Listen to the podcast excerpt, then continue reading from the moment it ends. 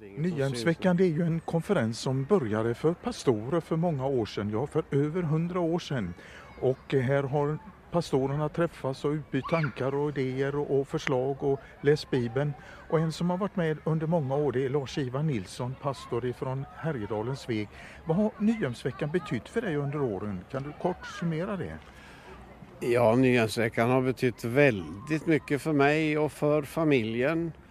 Och, och, det har ju präglat hela min storfamilj. När jag kommer här en sån här dag nu så är det barnbarn som är engagerade och aktiva och tar ansvar i servering och på annat sätt. Så den har satt spår på väldigt många olika sätt.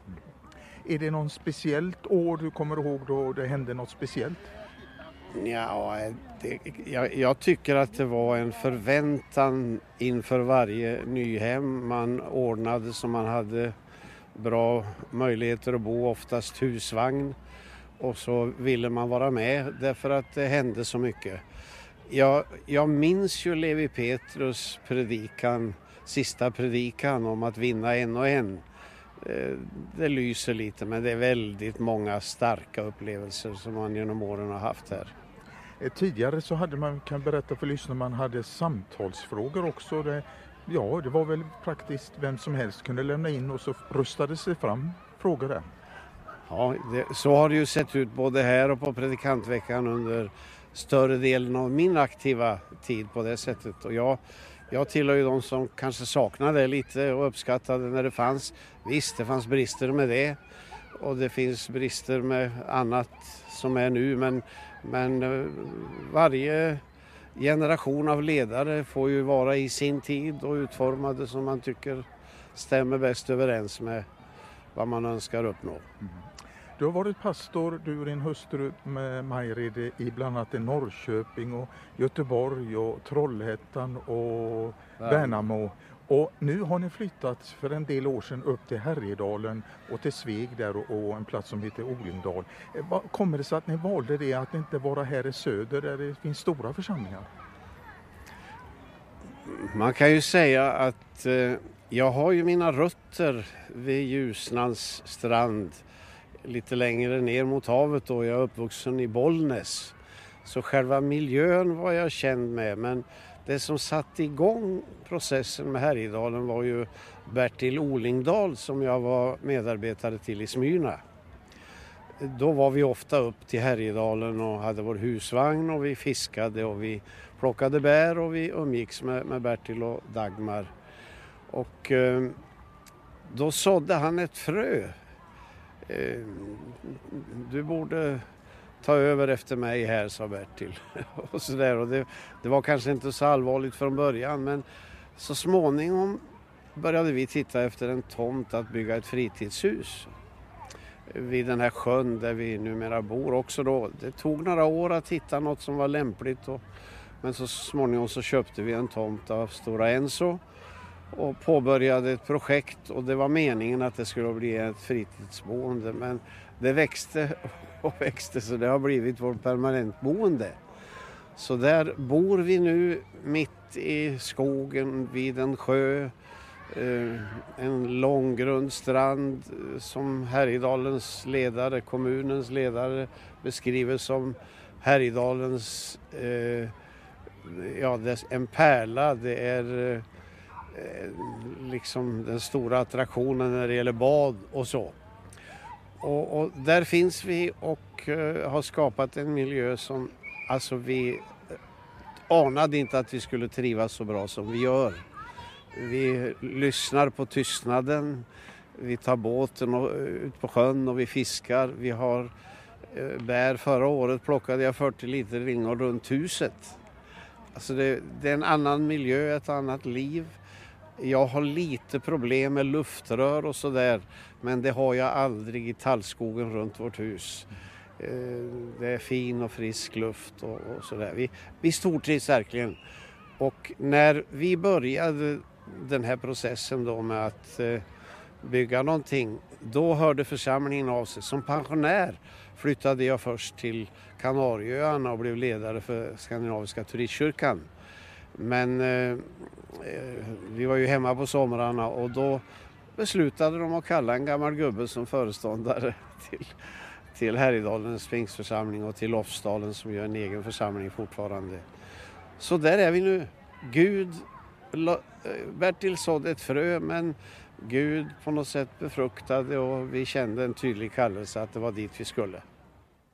Lars-Ivar Nilsson är det jag samtalar med. Själv heter Ove Jonsson och Lars-Ivar har berättat om hur eh, han och hans hustru fick en kallelse eller förfrågan att komma till Härjedalen och till Sveg och hjälpa till där. Jag inte bara Sveg. Eh, det, vi kan väl berätta för lyssnarna att eh, det är inte så många kristna som man vet om just i Härjedalen. Hur jobbar man då för att nå ut? Alltså vi, vi har ju ett stort arbetsfält och jag brukar skämta med att säga att vi vi har inte så många då eh, troende men inom pastoratet har vi bortåt tusen björnar har det blivit. Stammen växer varje år. Eh, så det, det, ser ju liksom annorlunda ut. Det bor 10 000 permanentboende i Härjedalen. Och vi har en församling som har vuxit lite grann varje år. Procentuellt sett så är det mycket men i år har vi döpt några stycken och, och vi växer så vi är lite över 50 medlemmar nu och det var ja, 37 eller någonting för några år sedan. Så det, det växer och det, det, har faktiskt, fastän en del då yngre särskilt på grund av arbete flyttar till andra orter, så flyttar in en del.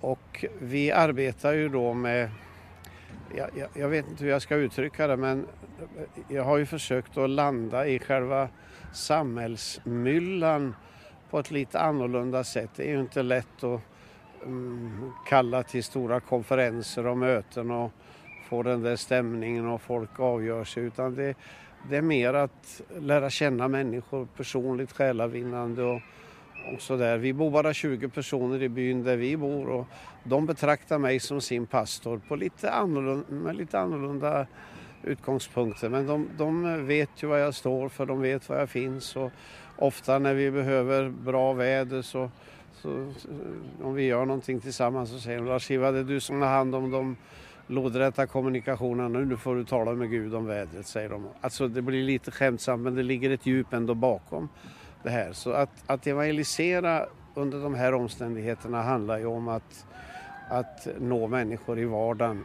Vi har ju, och det vet ju du om som har varit lite delaktig i det, vi har renoverat och håller på det har varit stora behov av renoveringar och, och, man kanske kan säga att vi börjar vara i slutfasen av det men vi har en del lite större projekt kvar.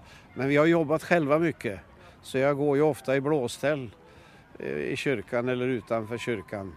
Och vi hade en hyresgäst i en av våra lägenheter som där de hade sagt till honom på kommunen att du måste träffa pastorn, hade de sagt. Eh, jag känner ju kommunalråden och sådär och var en av dem som sa till honom du måste träffa pastorn.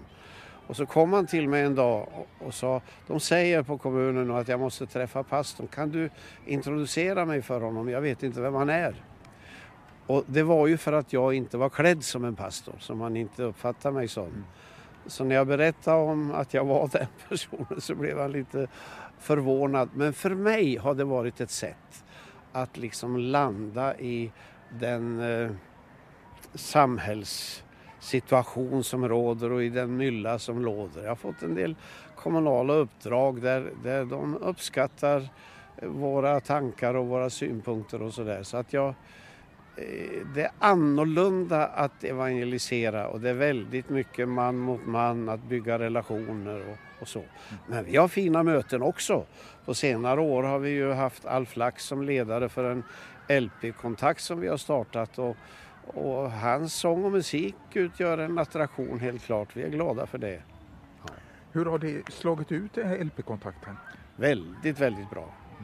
Vi har lite stödboende men vi, vi har framförallt kontakten som är uppe, öppen tre dagar i veckan och nu, nu var sex personer ifrån vår LP-kontakt var med på ett riksläger för LP och de är entusiastiska, de möter Gud och sen är det, det är ju kamp med sån verksamhet men eh, vi har ett antal medlemmar som har kommit den vägen och sett Guds under ske.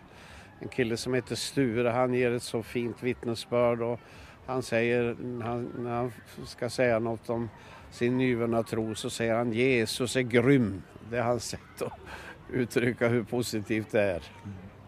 Ja, jag önskar dig och vännerna lycka till och välsignelse och hoppas du får ut mycket av Nyhamnsbesöket också Lars-Ivar. Tack så mycket, tack för tillfället. Önskar er alla Guds bästa välsignelse.